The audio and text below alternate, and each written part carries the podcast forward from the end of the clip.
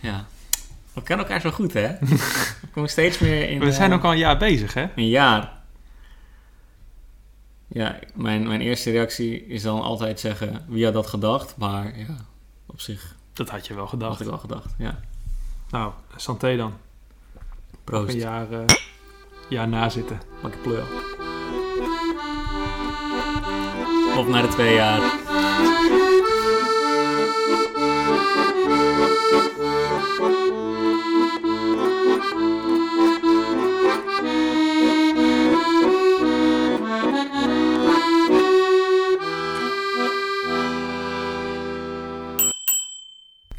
Een aflevering en een ode aan het oosten. Niet Twente, niet Drenthe of de Achterhoek. Dat komt binnenkort weer. Maar het oosten van Utrecht. Een prachtig fietsgebied waar wij niet uitgereden raken. Om een beetje te kunnen klimmen, te kunnen dalen, te kunnen racen en te kunnen gravelen. Maar juist in dat laatste had Mark vandaag even niet zo'n trek. Want daarvoor had hij niet de juiste wielen gestoken. Koen, routebouwer van dienst vandaag, was niet zo in vorm. Waardoor er toch wat grind onder de wielen doorrolde. Spannende avonturen dus weer. Het was fris, de zon scheen, het was gewoon lekker. Tijd voor een nazit. Waar gaan we het over hebben vandaag? Eh, we hebben het over landgoederen en de vliegbasis bij Soesterberg als natuurgebied. Zien en gezien worden, het effect van een, eh, van een nieuwe fiets. De kunst van het navigeren. We delen culturele tips met elkaar. We blikken terug, we kijken vooruit. En eh, we hebben een goed gesprek. Kan niet wachten. Mooi. Goed, Koen. ehm momentje gemaakt. Eh, rond 70. Vertel, waar zijn we geweest? We zijn naar het oosten geweest. Het oosten van Utrecht dan, dat te verstaan. Ehm, dat doen we vaker, hè, want het is prachtig fietsen daar. Eh, dat betekent dat we eerst richting Amersfoort zijn gereden. Over de startbaan van Soesterberg, want die is in de winter open. Uit mijn hoofd van half september tot eh, half... Half augustus, dacht ik. En tot, in dicht? maart. En in maart gaat hij al, eh, is hij alweer dicht. Ja. Dan begint Oh, het ja. broedseizoen. In de winter is die open. Ja. Anyway. Eh, altijd mooi om overheen te fietsen. Eh, langs Leusden naar Scherpenzeel. En daar eigenlijk omgedraaid. En eh, iets zuidelijker terug. Dus kom je via Maren. rij je dan weer terug naar Utrecht. Prachtig. Over de heuvelrug. Over een aantal backroads. Ehm Den Dreek. de Treek. Greblinie ge gecrossed. Twee Crossed, Ja. Dus dat is de route. keer. En voornamelijk asfalt. We Ja. zullen zo nog even hebben over eh, waarom dat was. Ja, is goed. Dat was de route. Alright. Nou ja, dan kunnen we gelijk doorstomen naar eh, de opvallers. Wat is jou opgevallen eh, vandaag onderweg? Ja, volgens mij heb ik al wel eerder een lans gebroken voor eh Den Treek en die omgeving daar in, in deze podcast. Maar dat is echt, dat is echt een prachtig mooi gebied. Dus dat ligt, ehm, ja, is dat aan de rand van de... de Onder Leusden. Onder Leusden. Ja. En dat ligt een beetje op de grens. Dus eh, als je vanaf Utrecht komt, rij je eerst over de heide. En dan heb je wat klimmetjes. En dan daal je af. En dan zit je nog in Den Treek. En als je Den Treek door bent, dan zit je gewoon eh, Ja, tussen de weilanden. ja, dus het is echt zo die grens. De, de grens tussen zeg maar, de Heuvelrug en de Gelderse Vallei, zeg maar. Dat is een beetje... Precies. eh, ja. En ja, het is gewoon prachtig daar. Liggen heel veel onverharde wegen nog. En heel veel gravelpaden. Klinkers. Nou, daar ontkwamen we nu ook niet aan. Veel klinkerweggetjes. Er staan wat grote huizen. De ene mooier dan de ander. Zo. nog een aantal hele mooie oude boerderijtjes. Zeker. eh, met van die klassieke luikjes en zo. En het zijn volgens mij meerdere landgoederen aan elkaar. Dus Den Treek is een van die landgoederen. Eh, Oud-Leusden, Henschoten. Eh, en dat wordt ook prachtig beheerd. Er ligt nu ook een nieuwe mountainbike route door het hele gebied. Mhm. Eh, ik heb laatst ook nog een keer hard gelopen. Dat is hartstikke mooi. En er staat ergens daar op de heide staat ook zo'n ehm, zo'n oude eh, witte landwijzer, zeg maar. Of zo'n wegwijzer. Ja, Die zie je vanaf, die, vanaf de weg zie je hem ook wel eens staan. oké. Nou ja, goed. Kan het is een, bijzonder gebied. En het is altijd weer mooi om daar, eh, om daar te fietsen. Ja. ja, ik vind het ook mooi omdat het is best wel bossig. En je hebt daar ook, ook wel weer wat, wat heidegrond, uh, weiden zeg maar. En eh, de manier waarop die gebouwen nog een beetje bij elkaar staan... doet nog echt denken aan oude hoeves. Dus Ja. een boerderij, een hoofdgebouw met een, met een stal en een hooischuur. En dat is eigenlijk een beetje hoe Nederland eh, eh, is begonnen, zeg maar. Ja. En dat zie je heel weinig meer terug. Hè. Je hebt een beetje... Ja, als je richting Zeist gaat, heb je ook nog dat, dat kasteel met die lange dijk. Daar zit ook nog een beetje die vibe omheen. Ehm, ja, ik vind het altijd mooi om terug te zien. Ja, rondom de Sallandse Heuvelrug bij Holte tref je het ook nog wel aan. Ja, klopt. Zo langs die rand, want dan eh, gingen de schapen de heide op. En dan eh, op de Enk of de Eng Daar eh, kwamen ze dan weer terug. Ja, En daar staan vaak die oude boerderijen. Ja, tegenwoordig is een boerderij gewoon een familiebedrijf. Ja. En vroeger was een boerderij meer een soort ja, corporatie of zo van meerdere families die een op een hoeve een Ja. klein stukje bij elkaar wonen. Ja. En in Den Treek zijn ze dan uitgegroeid, die hoeves of die boerderijen, tot, tot landgoederen. Ja, heel gaaf. Ja, dus maar dus Den Treek is dan vergund aan iemand een keer eh, door een oude koning. En eh, dan heb je dus de villa van Den Treek.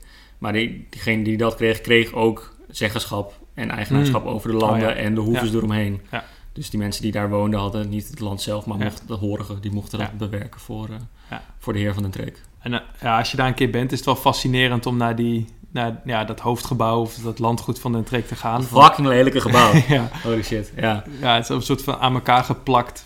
Vier verschillende gebouwen die aan elkaar zitten met verschillende stijlen. En, eh, Ja, heel lelijk. En een, Ja. toren, die doet een beetje middeleeuws aan. En dan voor een deel zijn die muren wit gepleisterd. Dat is dan weer een soort van 18e eeuws. En dan ook nog een stukje, ja, wat meer neoclassiek. Ja, het is, heel raar. Ik vind het niet mooi. maar wel fascinerend om even naar te kijken. Ah, Ja, dat kan je, kan je mooi zeggen. Fascinerend, ja. Bijzonder. Bijzonder, ja. Wonen gewoon mensen, hè. het is gewoon privébezit. Raar. Ja, je zou er maar wonen. Ja, dik land, maar... Zou je er willen wonen? Nee. Nou, je hebt wel veel ruimte voor podcast, opnamestudio's en dat soort dingen. Bijvoorbeeld, ja. Maar nee, nee. Nee man. Nee, duidelijk. Ja, en het is een schril contrast met alle militaire gebieden daar ook, hè? Klopt. Het hele gebied waar we vandaag doorfietsten, ja, tenzij je echt in die Gelderse Vallei zit, echt in het, meer in het oosten toe. Eh, ja, het stikt allemaal van de, de commando's, de, uh, de Dumoulin-kazerne, van alles zit daar. En mijn eh, opvaller in deze route natuurlijk, ja, we hebben het al even over gehad, de, de, de vliegbasis. Vliegbasis Soesterberg. Die landingsbaan, dat is echt nice om overheen te zoeken, zeker als je wind mee hebt. Was vandaag niet zo. Maar ehm uh, het is best wel een leuke geschiedenis dat uh, die vliegbasis, het is ooit als een soort zandgrond in gebruik genomen voor vliegshows. Uh, het begin van de 20e eeuw en mm-hmm. in de Tweede Wereldoorlog worden Duitsers echt als een soort van vliegbasis gemaakt. Volgens mij hebben ze van daaruit delen van Engeland uh, gebombardeerd of uh, geprobeerd. En na de Tweede Wereldoorlog is de NATO er gekomen en hebben heel veel Amerikaanse luchteenheden vanuit daar zeg maar ja, patrouilles oh ja. uitgevoerd om Russische bommenwerpers een beetje op afstand te houden.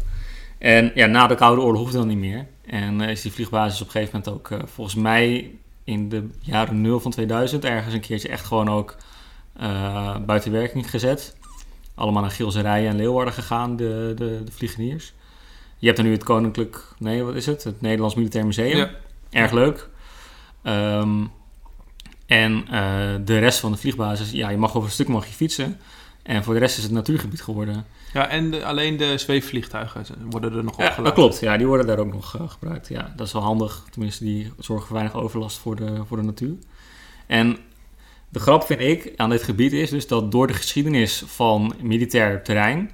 Uh, is er een soort unieke omstandigheid gecreëerd in uh, de bodem en, en de begroeiing... waardoor dat gebied nu een soort corridor ook vormt voor heel veel unieke uh, flora en fauna binnen Nederland. Ja. als voorbeeld, je hebt die landingsbaan, start-landingsbaan en daar omheen is grasland. dan moet je goed uitzicht hebben. Je moet ook, ja, als het fout gaat, moet je ook een beetje kunnen uitwijken. En het moet ook laag gemaaid zijn. Daar mag niet te veel hoogte op zitten. Nee. Dus dat hebben ze altijd gewoon kort gehouden. Maar ze hebben het nooit bemest, want waarom zou je? In tegenstelling tot de rest van het land eigenlijk. Exact, ja. daar heb je allemaal rijgras en uh, ja. lekker volgepompt met, uh, met allemaal mest, kunstmest. En daar niks. Dus het is een van de, volgens mij de grootste schrale grasgronden in West-Europa. En dat zorgt er ook voor dat daar dus unieke plantensoorten groeien. Ja. En daar hebben dan weer heel veel, bijvoorbeeld vlindersoorten. Uh, en nou, dat gaat de hele voedselketen op naar ja. de lijster, of weet die? Ja, want in de, in de zomermaanden of in het broedseizoen is het dicht. Volgens mij inderdaad ja, ik dacht voor de zanglijst of zoiets. Mag je hem alleen, mag je de baan zeg maar in de, in de, in de breedte even oversteken en meer ja, niet. Nee, dus hij gaat voor één vogelsoort gaat het ook gewoon dicht. Dat is natuurlijk aan zich ook al uniek, dat het gewoon echt afgesloten wordt ja. voor, uh, voor alle soorten van, uh, van bezoek. Ja. ja, ik heb nog gekeken. Het is verder, dus, uh, hè, want ik hou me vooral bezig met stikstof en het is geen stikstofgevoelig gebied. Daarvoor is het niet aangewezen. Maar er zijn wel heel veel andere soorten, zoals die, die vogels, vlinders en ook bepaalde bloemen. Uh, ja, waardoor de soortenbescherming wel daar heel erg uh, actief ja. is. En volgens mij is de baan, ik heb het ook even opgemeten in, eh, op mijn werk, in in de tool, eh, bijna drie kilometer lang het gedeelte wat je mag fietsen. Mhm. En wel iets van, wat was het, 50 meter breed zo'n beetje. Dus het is Ja, echt, is eh, goed. je voelt je wel een koning als je Ja. daar overheen fietst. Dat is echt heel gaaf. Dat zie je nergens anders in Nederland. Nee, het effect van de overheen fietsen is heel bijzonder. Alleen al die brede baan en die, die lap, dat het lap asfalt voor je neus. Mhm. Maar ook omdat er dus die vliegtuigen van dat militair museum, die staan ook buiten, dus die zie je ook zo staan. Ja.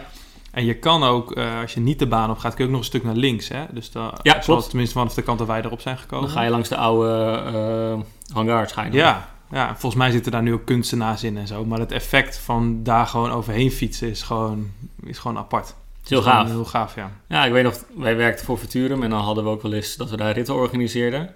En ehm, dat, toen hebben we, dat was wel opgenomen als hoogtepunt. Want Ja, ja. volgens mij zie je het nergens anders in Nederland dat Nee. je echt zo'n brede lap asfalt midden in de natuur kan, kan befietsen. Dat is echt, eh, echt heel gaaf. Ja. Het leent zich ook heel erg voor natuurlijk echt, echt een goede inspanning om te kijken wat je... eh, wat voor snelheid je kan bereiken Ja, voor, voor die kilometer. Ja. Je ziet er ook best wel mensen echt eh, volle bak gaan. Nou, wij deden vandaag wat rustiger aan. Maar eh, ook genoeg ruimte. Ik denk trouwens, dat er moet een keertje een soort criterium gefietst worden of zo. Dat lijkt me heel gaaf. Als je daar gewoon een parcoursje uitzet, dat kan. En dan, weet veel, voor mij wordt maak je het gewoon fixed crit of zo. En dan Ja, allemaal hipsters. super, en, ja. Ah, nou ja, misschien wel. mooie ideeën. Ja, maar eigenlijk geldt dat ehm, voor heel veel militaire gebieden. Hè? Dat, het, dat het een bepaalde bijzondere eh, natuurwaarde heeft. Want in ditzelfde gebied heb je ook die Leusde Heide. Natuurlijk ook, dat wordt nog wel gebruikt. Ja, schietterrein. Ehm, dat schietterrein. Ja. En daar loopt de tankbaan overheen. Uh-huh. En, dat, en daar fietsen, dat is ook een bekende fietsweg. Ehm, maar het feit dat de tankbaan heet, eh, is natuurlijk al... Ja, dat is volgens mij niet eens de officiële straatnaam. Oh, heet het. Zeiste Spoor, volgens mij. Oh ja, ja. Ehm, maar dat is dan de naam in de volksmond. Maar dat komt dus ook omdat het ook gewoon een brede weg is... waar je af en toe gewoon een tank tegen kan komen als je daar overheen fietst. ja dat is mij nog nooit, eh, nooit gelukt. Maar Nee, wel. Het is wel ik, ik altijd rustig. geen tanks gezien, maar wel een hoop van die, eh, nou, van die jeeps en van die andere Oh ja. wagens. Ja. Ehm, en je hebt al die kazernes en zo daar zitten. ja, dus dat is wel gaaf. Ja, het, het, het leuke van, eh, van die vliegbasis is, vind ik dan dat het leger is altijd geassocieerd met destructie en, en dingen stuk maken en, eh en boe. En eigenlijk door het beleid dat daar hebben gevoerd op dat landschap, eh, is het nu heel waardevol geweest. En zetten ze dat beleid ook voort nu. Dus dat is een soort eh, bij, bijvangst van ja, de, onze, luchtmacht daar. Dat is toch grappig. Oké, mooie punten. Was er ook nog een bochtje hoor, of niet? Eh, ik had nog wel een bochtje. En dat zat hem in dat ik had de route gemaakt. Ik, volgens mij, en de afgelopen twee keer eh, was jij eh, geweest. Ik Nou, hou was er weer een tijdje geleden. Ja. En ik, ik zat ook een beetje te struggelen met de route. En ik, Je was niet scherp. Ik was niet scherp. Bij het maken had ik al, het al niet helemaal op een rijtje. En een beetje moeite met is dit het nou? En had vooral te maken met nou, toch een beetje de beperkte afstand die we wilden rijden. Of die ik wilde rijden eigenlijk. En dan kom je gewoon niet zo ver. Dus ja, dan Ja, jij, lekker. wilde, jij wilde max 60 zo'n beetje, want je bent in training voor de marathon. Ja, dus ik moet morgen weer en dan nou, kunnen we lopen dan. En kunnen we wel vier uur gaan fietsen. Maar dat is toch altijd best wel een flinke inspanning. Oké. En eh, nou, even prioriteit voor het hardlopen. Mhm. Maar ja, je wilt toch ook wel ergens komen en het ergens over hebben nu. Eh, dus dat, ja, dat was al een klein dieptepuntje. Eh, en toen kwam jij er ook nog mee dat je hem niet had ingeladen, de route. Dus eh, kwam, eh, kwam die druk ook op mijn schouders terecht. Ja, en je bent niet de beste navigator, dat bleek vandaag. nou ja, normaal gaat het altijd wel soepel. Maar nu reden we een paar keer gewoon een afslag voorbij. Waar we gewoon... Drie of vier keer dacht ik. ja, Ja, en op een gegeven moment zei ik, hier moeten we links. En dan was het één straat verder. En dan reden we een oprit op, weet je wel. Dat soort dingen. En dat, ja, ik vind het altijd zo lekker als dat gewoon soepel gaat. Ja, En ik vind het ook leuk als je daarin gewoon in de lead bent. Dus als je gewoon degene bent met de route en dan gewoon nou, je gezelschap, hoe groot die ook is, de goede kant op stuurt. Mhm. Maar op het moment dat jij dan degene bent die het gezelschap een oprit opstuurt, dan voel je je ook meteen eh, gewoon een beetje een klus, goed. weet je wel. Nee, ja. Dus ehm, ja, het haalt dan ook net een beetje de swoon uit de, uit de rit of zo. Oh ja, oké. Dus Het onderbreekt je, je gesprekken, weet je wel. Je moet omdraaien, dat voelt altijd een beetje knullig. Omdraaien is kut, hè? Ja, En je fietst liever, liever nog iets om dan dat je echt stopt en draait. ja. Dus misschien ook een beetje omdat je nu niet zoveel fietst, dat je een beetje uit die, eh, ja, uit Ah, die flow bent of zo. Ja, want Hoop ik. Want dat, is dus wa- waarom je, eh, je niet scherp was. Je bent uit de fietsflow. Door Ja, dat denk ik, want ik heb geen andere reden om eh, uit de flow te zijn. Nee, Maar qua routes en zo zou dat kunnen. Oké. Verder heb ik lekker gefietst, maar, eh We ja, dat was wel zo, dieptepuntje. zo, zulke goede gesprekken gehad dat jij gewoon verke- vergeet om eh, op de Ja, te kijken. kijk, en weet je, je kan ook, eh, je, kan ook je navigatie eh, op allemaal dingetjes zetten die gaat piepen en zo als je naar rechts moet over 200 meter. Maar daar word je helemaal gek van. Ja. Maar dat, de keerzijde is dat je het zelf een beetje in de gaten moet houden. Ja. Ja, normaliter gaat dat wel goed. Misschien ook omdat we het gebied goed kennen, dat je ook net wat minder kijkt, want je weet waar je bent. Dus Dat is wel een interessant gaat punt, meer ja. automatisch piloot. Ja, dat vind, dat vind ik wel interessant. Want in, ik merk het ook wel eens als ik gewoon een route aan elkaar klik op Komoot en dan ga fietsen. Dan heb ik tegen de tijd dat ik hem echt fiets niet altijd meer helemaal scherp waar ik heen wilde ten tijde van het maken van de route. Ja, Maar dan herken je of zo wel waar je bent. Dus dan weet je, oh, meestal ga ik hier rechtdoor. Maar Ja. dan heb je net daar even een linksje in gepland. Ja. Dat is... eh, ja dat speelde Ja. ook wel mee, denk ik. ja, oké. ja. Maar goed, op het stuk waar we nog niet eerder geweest waren, daar draaiden we de oprit op. Dus wat dat betreft eh, gaat het ook niet helemaal op. Maar Nee, oké. goed. Eh, en jij? Eh, ja, niet zozeer om echt een bochtje hoor. Nou ja, de, de, de gravelstukjes, daar had ik eigenlijk niet zoveel zin in vandaag. Dat had ik je ook wel aangegeven van tevoren, maar je hebt ze toch niet gehouden. Eh, eh, ja, ik weet niet waarom eigenlijk, maar gewoon flauw. Nee, ik heb natuurlijk die nieuwe fiets, waar ik heel blij mee. En ik heb daar twee sets wielen voor. Eentje echt voor de gravel en eentje gewoon voor het asfalt. En merk wel dat ik daardoor eigenlijk best wel dedicated wil gaan fietsen. Als ik dus die wegwielen erin heb zitten, dan wil ik eigenlijk geen gravel fietsen. En als ik die gravelwielen erin heb zitten, dan wil ik eigenlijk ook wel vooral veel gravel. En niet, zoals die route voor vandaag, daar zat in totaal nog geen kilometer gravel in. Nee. Dus daar ga je zeker niet gravelwielen voor insteken. Maar ja, eh, op die gravelpaden die we deden voelde ik me niet helemaal senang met mijn huidige wielen. Ja, maar Zijn ook net nieuw, hè? Dus ja, ja oké. Maar het is ook nog een beetje een zoektocht. Want normaal, weet je, toen we allebei een journey. gewoon nog één fiets hadden, ja. eh, zonder gravelwielen. Ja, en weet je, allemaal, alles eh, erop. Dan, dan was het gewoon ah, een kilometertje gravel, prima. Dat lukt wel op die dingen. En nou, ik heb nu nog steeds gewoon die ene fiets. Dus dat is nog een beetje... Joh, we hebben En, hele eh, dirty blijkbaar cancel erop heb- gedaan. ja, dus het, het exact. kan allemaal wel. En maar blijkbaar heb jij nu zoiets van, nou, het zijn niet de goede wielen, dus dan, eh dan Maar ik het eigenlijk niet. Het is een beetje, ik ben, ze zijn nieuw, dus ik ben er ook nog zuinig op. Maar het, het is ook een beetje de filosofie van eh, de fiets. Dus het frame, dat, is, dat, is, dat, dat kan alles. Een soort Zwitser zakmes. Maar dat is afhankelijk van de wielen die ik erin steek. Ja. En ja, dit zijn wat hogere velgen, dus wat meer aerodynamisch eh, georiënteerd. En eh, carbon, dus ik zit er gewoon niet echt op te wachten om daar gewoon echt op te rousen door gravelstukken. Terwijl dat wel kan. Ehm, ja, maar dat zijn de beetje de overpeinzingen die ik zo had toen ik daar fietste. Van ja, ik merk nu eigenlijk wel... eh, de fiets zelf is wel een allrounder, maar ja, afhankelijk van welke wiel ik erin steek, ja, wil ik toch een beetje... ik vind het wel Hmm. boeiend hoor, Mark, want het, het, het idee in de filosofie volgens mij van die allround fietsen, tenminste voor mij, is Mhm. ook gewoon een beetje je vertrekt en je maakt een ronde, maar het, is, het maakt niet zoveel uit wat, wat je aantreft. Eh, dus je kan wat meer risico nemen met de paden die je neemt. Het hoeft niet van dat hele compacte gravel te zijn. Het kan ook wat losser. Nou, anders neem je een stukje van de mountainbike route, eh, bij wijze van spreken. Mhm. Dat is een beetje het, het mooie van op zo'n fiets op pad gaan. Dus dat alles wat je tegenkomt kun je aan, in ieder geval in Nederland. Ja, Maar op deze manier, zoals jij het nu, nu over hebt, is het eigenlijk... Nou, op het moment dat je niet die goede wielen hebt, dan kun je echt niet van de weg af. En, ik denk- andere wielen is, is op de weg rijden weer niet zo... eh, Misschien is de verdeling eh, niet helemaal goed. Dus dat ik eigenlijk op deze wielen alleen maar asfalt wil. En voor al het andere wil ik gewoon die gravelwielen gebruiken. Want die zijn daar prima voor. Daar rijd ik ook prima snelheid mee over, over asfalt. hm, dat klopt. Alleen als ik naast jou ga fietsen voor een rit van nou, zeg 100 kilometer... eh, dan heb ik het wel veel zwaarder als we alleen maar asfalt fietsen. En dan net voor dat ene kilometer gravel, dan pak ik jou. Maar dus ja, echt voor dat adventure, ja, dan doe ik gewoon die andere, andere Ja, dat is waar. Ja. Maar goed, je, hebt, je, kan niet spontaan halverwege het ritje de, dan nog switchen. Nee, maar ik moet ook wel zeggen dat ik dat sowieso nooit zo heb. Ik ga niet echt op de Bonnefoy fietsen vaak. Nee. Als ik dat wel zou doen, dan zou ik dus die gravelwielen erin doen. Ja.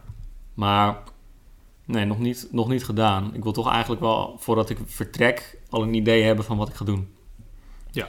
Maar ja, goed, jij hebt, eh, als het goed is over een maand of zo, eh, of twee maanden, heb, je, heb jij je Sauer, je nieuwe fiets. Ik ben wel benieuwd hoe jij er dan tegenaan kijkt. Want dan heb jij twee fietsen die je voor, eh, die je ook wel dedicated gaat maken. Hè? Je, je wilt je, je huidige fiets, Ja, wil, je, wil je wat lichter maken of wat meer eh, je tijdrijfiets of zo van maken. Ja, want ik heb nu dus van mijn racefiets een fiets gemaakt waarin ik zo goed mogelijk over de gravel kan. Mhm. Nou, daar loop je tegen de, een beetje tegen de beperkingen aan.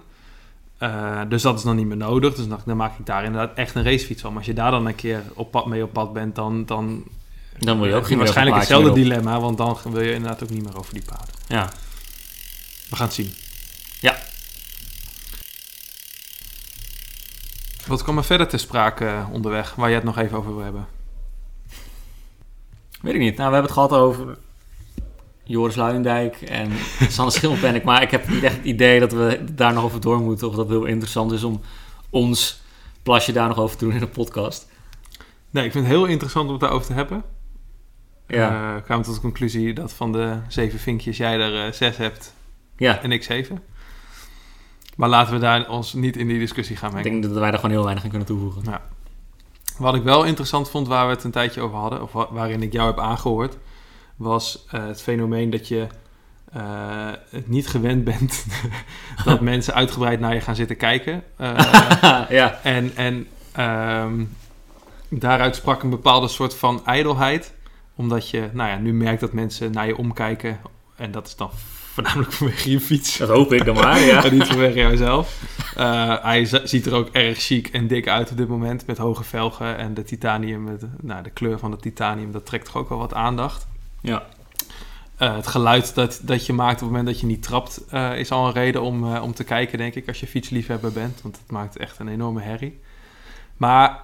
Hè, dus het, het gaat om het, om het zien en gezien worden. Daarin een beetje. In Ja. ieder geval om het gezien worden. En, Ja. en je had het over eh, ja, of je je schijfremmen mooi vond of niet. En dat je specifiek op zoek was naar een bepaalde schijfrem die je wel aansprak. En nou ja, gewoon het feit dat je aan het nadenken bent over welk type schijfrem je mooi vindt en niet. Mega specifiek. Dat, dat, dat vind ik een nieuw level in, in de, in de fietsijdelheid. Die we Nou in ieder geval volgens mij nog niet eerder bereikt hebben. Eh, nee. Dus wat is je vraag? Ligt dat eens toe? Ja, I don't know. Ja, dat is gewoon... eh, mijn fietsproject van deze fiets is nu zeg maar wel klaar. Mhm. Ik heb eh, twee wielsets, dus alles waar ik van tevoren van had bedacht van zo... eh, dat zijn de redenen om de fiets te kopen. Dat, al die boxjes zijn gevinkt. Mhm. Die vinkjes heb ik binnen. Ehm, en nou ja, die, voor die schijfremmen, eh, de, de, de, rotors, dus de schijven zelf, is het verhaal in principe wel simpel. Want ik heb twee wielsets, dan heb ik eigenlijk ook op elke wielset een schijf nodig. Ja. Eh, want dan kan ik ze gewoon in en uitsteken, hoef ik alleen de cassette te veranderen en niet ook nog de, de schijven. Mhm. Eh, nou, toen fietste ik twee weken terug met Robert. En nou ja, Robert heeft ook, ook een hele mooie fiets. Dat, dat deelde ik toen al, eh, toen, toen we nog eh, bij de fietswinkel werkten. En die had ook alles wat in de details. Die had echt zo dus de kleuren van zijn zadelpenklem was hetzelfde als van de lagers in zijn, in zijn trapas, zeg maar. Dus alles was zo Mhm. oranje en nou ja, super nice wel. Ehm, waar ga ik heen? Als je zeg maar zoveel aandacht hebt besteed aan de fiets en alles is, is mooi en goed en zoals je wil, ja, dan ga je op een gegeven moment ook nadenken van, goh, wat vind ik eigenlijk mooie schijven ja. en wat niet. Ja. En met Robert erover gehad en toen kwamen we allebei tot de conclusie van, ja, heel veel van die schijven die je koopt, die zijn een soort van gekarteld. En dat doet ons denken aan Beyblades, aan van die tollen die je zo tegen elkaar aan laat beuken. En het ziet er raar uit. En dan komt Campagnolo met, een- met een groepset waar in één keer gewoon, gewoon glad cirkel zijn die, ehm, die schijven. Nou, bepaalde kerken is dat vloeken natuurlijk. Campi onderdelen Mhm. met Shimano onderdelen. Maar ja, voor- ik dacht van ja, ze zijn nu een voorraad, Shimano niet. Dus ik ga het gewoon opzetten. Ja. En ik vind het wel nice staan.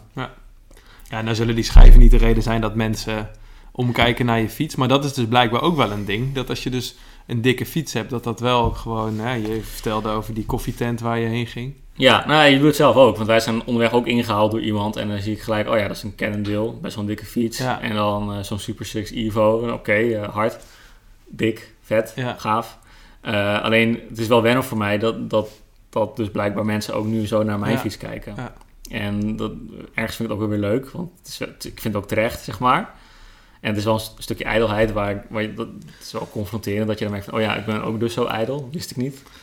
Maar ja, Ja, en eigenlijk vraag ik me nog af van, wil je dat?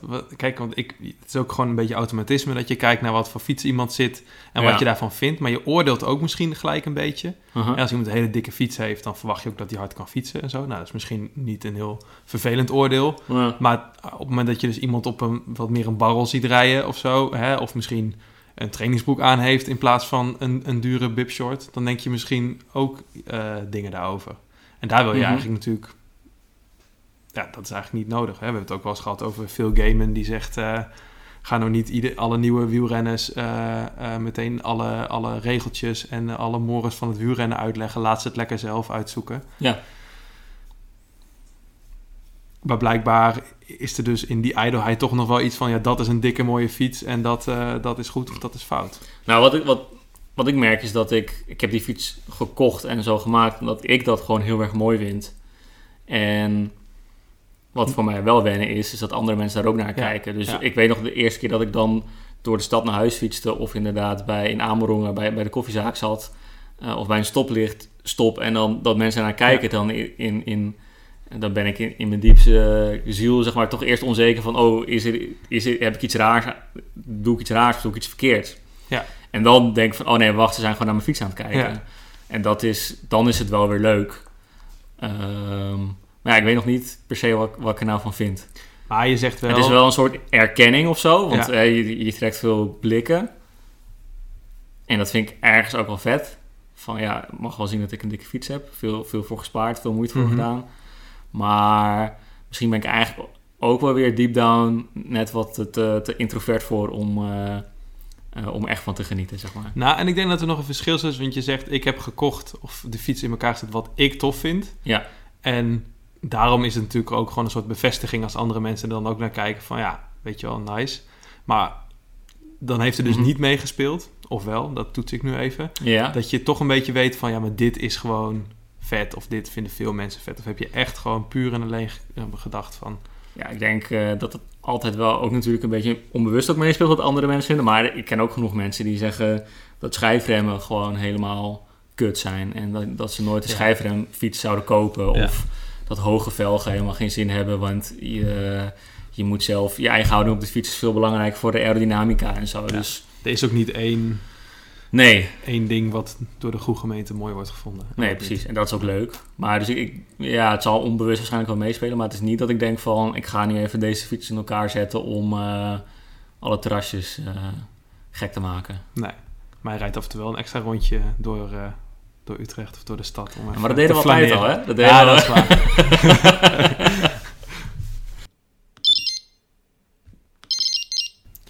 Jij?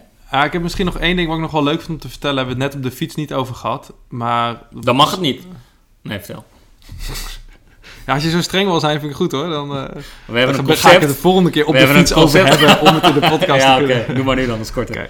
Ehm, ik moest er net nog aan denken, omdat we het, we hadden het de vorige keer over zen op de fiets. Hè? Dat, Ja. dat je dat zo'n staat wat je bereikt, eh, gewoon in een bepaalde inspanning en met die curve en dat soort dingen. Ja. Ehm, en ik had wel laatst een soortzelfde soort ervaring tijdens het hardlopen, maar dat werd op een andere manier getriggerd. Dus eh, vaak als ik hardloop doe ik ook geen muziek op, omdat ik vaak met andere mensen loop of denk, weet je wel, gewoon mijn eigen ademhaling en, en de stappen, dat ritme, dat brengt me al in een soort trance. Ja. Maar ik moest nu ver in mijn eentje, dus ik dacht, ik neem mijn dopjes mee. Ga een beetje podcastje luisteren, een beetje afleiding. Mhm. En op een gegeven moment moest ik nog best wel een stuk. Ik dacht, ja, nog 40 minuten of zo. En ik, ik was een beetje klaar mee. En ik had er een of andere podcast op staan over, eh, nou, over wielrennen volgens mij. En het, het, pff, weet je wel, ik zakte helemaal in. En het, Oh. het boeide me ook niet meer en ik luisterde niet. En toen zette ik gewoon een album aan. Welk En- album?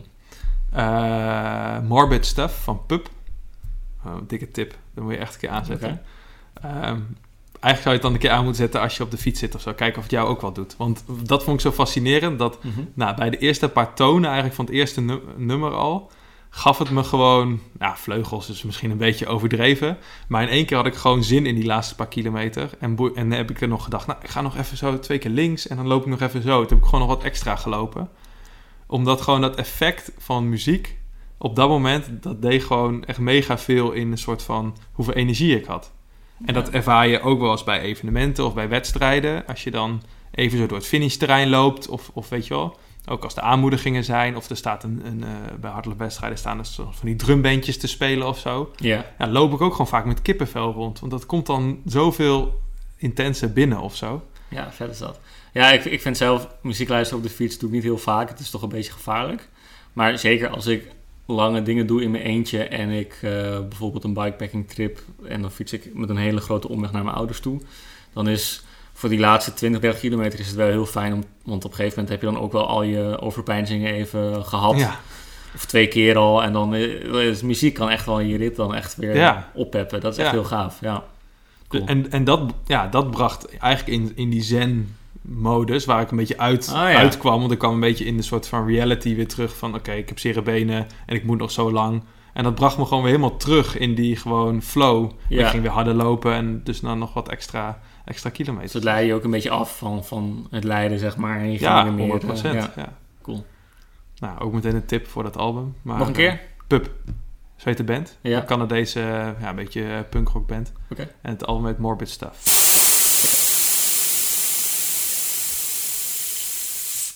Right, nou, we zetten al onze ritjes vrolijk op Strava. Alles voor de kudo's natuurlijk. Maar eh, als je dat lang genoeg doet, dan heb je ook een mooi wielendagboek. Daar kijken we altijd in. En eh, nou, we zijn nu een jaar bezig, dus dat betekent dat we deze maand al een keer hebben gehad. Eh, Koen, vertel eens even, waar gaan we het nu over hebben? Welke rit? Ja, was even, was even uitzoeken, hè, wat hebben we dan vorig jaar al besproken en, en wat niet. Maar ehm, ik denk het leukste dat zowel in 2020 als in 18 we nou, ongeveer rond dit tijdstip samen gefietst hadden. Richting het oosten, eigenlijk ook met de startbaan en dezelfde, nou, een beetje dezelfde type route.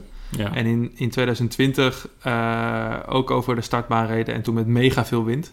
En dat was in de rug. Dus volgens mij eh, had, ik noemde het iets met eh, opstijgen of zo. Of, ja. lanceren. En jij had hem ook iets van woei of wind of zo genoemd. En gingen we in één keer met 50, eh 50 aan het uur over die startbaan. lekker. Dus eh, duidelijk dat, eh, dat een, een, een rondje in februari richting het oosten met de startbaan daarin... Een, eh, nou, toch een soort klassieketje is. Ja, maar goed, vroeger, eh, toen woonden we ook een beetje oosten van Utrecht. ja. Dus feitelijk ging elke rit van ons toen gewoon zo heel simpel, Berenkuil, Ja, oosten. dat is waar. Ja, zeker als je niet te lang gaat, dan was je het snelste stad uit. Ja, exact. Ja. Ja, daar hebben we het al eens eerder over gehad, hè, dat met dat je verhuist ook de, de, je fietsroutes veranderen. Als Klopt. je binnen de, stad, binnen de stad alleen al verhuist. Ja. Omdat de uitgang van de stad is essentieel. En vanaf daar ga je eigenlijk een route bedenken. ja, precies, want je telt zo 6, 7 kilometer bij je, bij je rit op als je nu naar het oosten gaat. Door, en die 6, 7 kilometers door de Door de stad stad, ja, ja. precies. Ja. kun je wel flaneren. Ja. Overwegen waard. Ah, voor- en nadelen. Ehm, ja, ik heb eigenlijk net al een cultureel tipje gegeven natuurlijk met het, eh, met het eh, lekkere punkrock album. Ehm, wil jij eh, nog een, een tip delen? Ja, ik kwam laatst iets tegen op YouTube. en ik was echt helemaal verslaafd aan deze man. Cody Townsend. Dat is Mhm. een langharige, bebaarde man uit eh, Amerika. En eh, die heeft een missie. Eh, je hebt een boek, ik, ik ken het niet, maar een boek en het, dat gaat dan over de 50 mooiste lines, dus ski-afdalingen in Hmm. Noord-Amerika. Dus volgens mij ook Mexico, Verenigde Staten en Canada. En hij heeft dat gewoon gezegd van cool, ik ga ze alle 50 doen. En ik neem een vriend mee en die is videograaf, videotograaf, videoman. En die gaat het allemaal vastleggen. En dan, ja. Eh, en, en we maken daar op YouTube gewoon eh, dikke filmpjes van. ja. En eh, ja, het is fucking gaaf. Wat hij Mhm. doet is echt skitouren. Dus hij rijdt zeg maar, naar de voet van de berg en dan gaat hij er gewoon omhoog klimmen. Soms echt 60 graden helling. Dus dan zitten ze echt gewoon met, met ijshamers of ijsbijlen en, en stuts in de schoenen zitten ze gewoon te klimmen. Check. En dan zijn ze boven en dan eten ze lunch en dan eh skiën ze naar beneden. Wat een investering voor die, eh, voor die line. Ja, maar het, het is dus het hele ding. Het, het hele, Ja, ja, het hele ja. ding is wat ze doen. En dat is echt heel gaaf. En eh, de eerste video die ik van hem zag, dan deed hij er drie achter elkaar met een vriendin van hem. En dan gingen ze vanuit zijn huis, gingen ze bikepackend al die bergen af. Ja, dat is natuurlijk een mooie combinatie van, van onze hobby's. En wat, wat, wat ik zo leuk vind, is een wat, wat oudere man. Hij zou in de nou, eind, eind 30 zijn. Dus voor zeg maar, wat hij doet, is dat al wel oud, vind ik. En hij is gelijke mate shaka shaka hang loose en, en gewoon een beetje surfdude vibe. En ook, maar ook bloedserieus. Dus hij laat ook wel zien in die video wat hij allemaal doet aan research voordat hij eh, de lijn pakt, zoals hij dat dan noemt. Dus dan kijkt hij naar weerverslagen, hij praat met de rangers van die berg en dan... eh, nou, hij heeft het dan ook over avies. Het zijn dan avalanches. Nou, dat, there's a high avy risk today, so we're not gonna do it. Allemaal van dat soort dingen. Ja, het is, het is wel een mooie combinatie van, van hardcore en hang loose. Dat is wel Ja, gaaf. ja. En dan hij neemt vaak vrienden mee en eh, hele mooie beelden ook. Dat is echt nice. Gaaf. Dus ja, Cody Townsend op YouTube. The 50 heet het project. Cool. Stip aan de horizon. Wat ligt in het verschiet? Heb je nog een mooi plan? Ehm, nou, het enige plan waar we het net een beetje over gehad hebben, is misschien nog wel leuk, is dat ehm, we nu aan het kijken of het met, het met een vriend of het lukt om een eh, goedkoop busje te kopen. Hm. En die op een nou ja, simpele manier met eh, tweedehands materialen om te bouwen tot, eh tot campertje. En het stelt niet veel voor als in, we gaan daar geen keuken in bouwen en dat soort dingen. Maar wel gewoon iets waar je mee op pad kunt en waar je in kan overnachten. Hm. En dat zou wel een hele hoop eh, vette avonturen mogelijk of makkelijker maken. Ja. Het meeste is al wel mogelijk, maar ja, ik zie dan toch ook wel voor me dat je even twee fietsjes achterin gooit en eh, ergens heen rijdt. ehm, daar gewoon begint en na de hand nog even kan chillen, koffie zetten en dat soort dingen. Ja, gaaf. Eh, voor, voor dat soort fietsavonturen is de trein toch altijd even net wat minder makkelijk. Ja, zeker nu. Ja. Die NS die is volgens mij gewoon een beetje ontmoedigingsbeleid aan het aan het doen. Dat je Ja. altijd moet reserveren Ja. van tevoren en zo. Ja. Nou, jij zal, eh, je zet hem gewoon in het, eh, wat had je over Eifel of het Sauerland, zet je hem neer Ja. en dan ga je een paar dagen fietsen vanuit daar. Nou, dat zijn echt dingen die, eh, die dan wel een stuk makkelijker worden. En onze tocht in Drenthe, die, die maar blijft staan, die we elke keer vooruit schuiven. Volgende maand gaan we even. Vol- ja, die, eh, ja, die, wordt, ja, die wordt daardoor denk ik ook wel een stuk stoerder en toffer. Omdat je dan gewoon ja, niet met die treinrit zit, maar gewoon in het busje lekkere muziek. Ja, dat, dat extra stukje mobiliteit is toch wat chill, ja. denk ik. Ik dacht ook, ik ga in niet al te veel dingen dan echt moeilijk investeren, maar in de muziekinstallatie, weet je wel, die gewoon even door die hele, door die hele wagen gaat. Dat lijkt me dan wel vet. Nou, tuurlijk. knallen onze Minimaal. vijf bar afspeellijst erop en dan, eh, Lekker? dat is wel goede vibes. Dus dat, dat is wel ook wel een stip aan de horizon, niet een specifieke route of een specifieke dag, maar Ja. wel iets wat, nou, in combinatie met de nieuwe fietsen Vet. en Ja, zo. als dat, eh, eh, als dat gaat, dan gaan we daar veel van eh, genieten, denk ik. ja, dus wie weet volgende aflevering. Mooi, ik moet nou denken aan een vrienden van mij van de middelbare school. Die hadden thuis een. Eh, eh, ja, een lang verhaal. Maar die, die, die hadden eh, zo'n hot tub, zo'n houten hot tub die je met, met hout moet stoken. Ja, ja. En eh, nou, daar een keertje ingezeten en toen vroegen we ook aan die vader van, eh, eh, hoe, hoe vind je nou zo'n ding te hebben? Zeiden van, nou ja, eh, eigenlijk moet je geen, eh geen hot tub hebben, maar je moet een vriend hebben met een hot tub. ja. Nou, zo voel ik me nu ook, dus eh, helemaal goed. Nice, hele goeie. Ja, en ik heb natuurlijk nog, ik heb geen update over mijn fiets gegeven. Nee, want die is er Eh, niet, hoor ik. Nou, die is er nog niet, maar dat, dat wist ik ook van tevoren. eh, dat de fiets er nog niet zou zijn en de update ook niet zo spannend zou zijn. Nee. Maar die stip komt natuurlijk wel steeds dichterbij.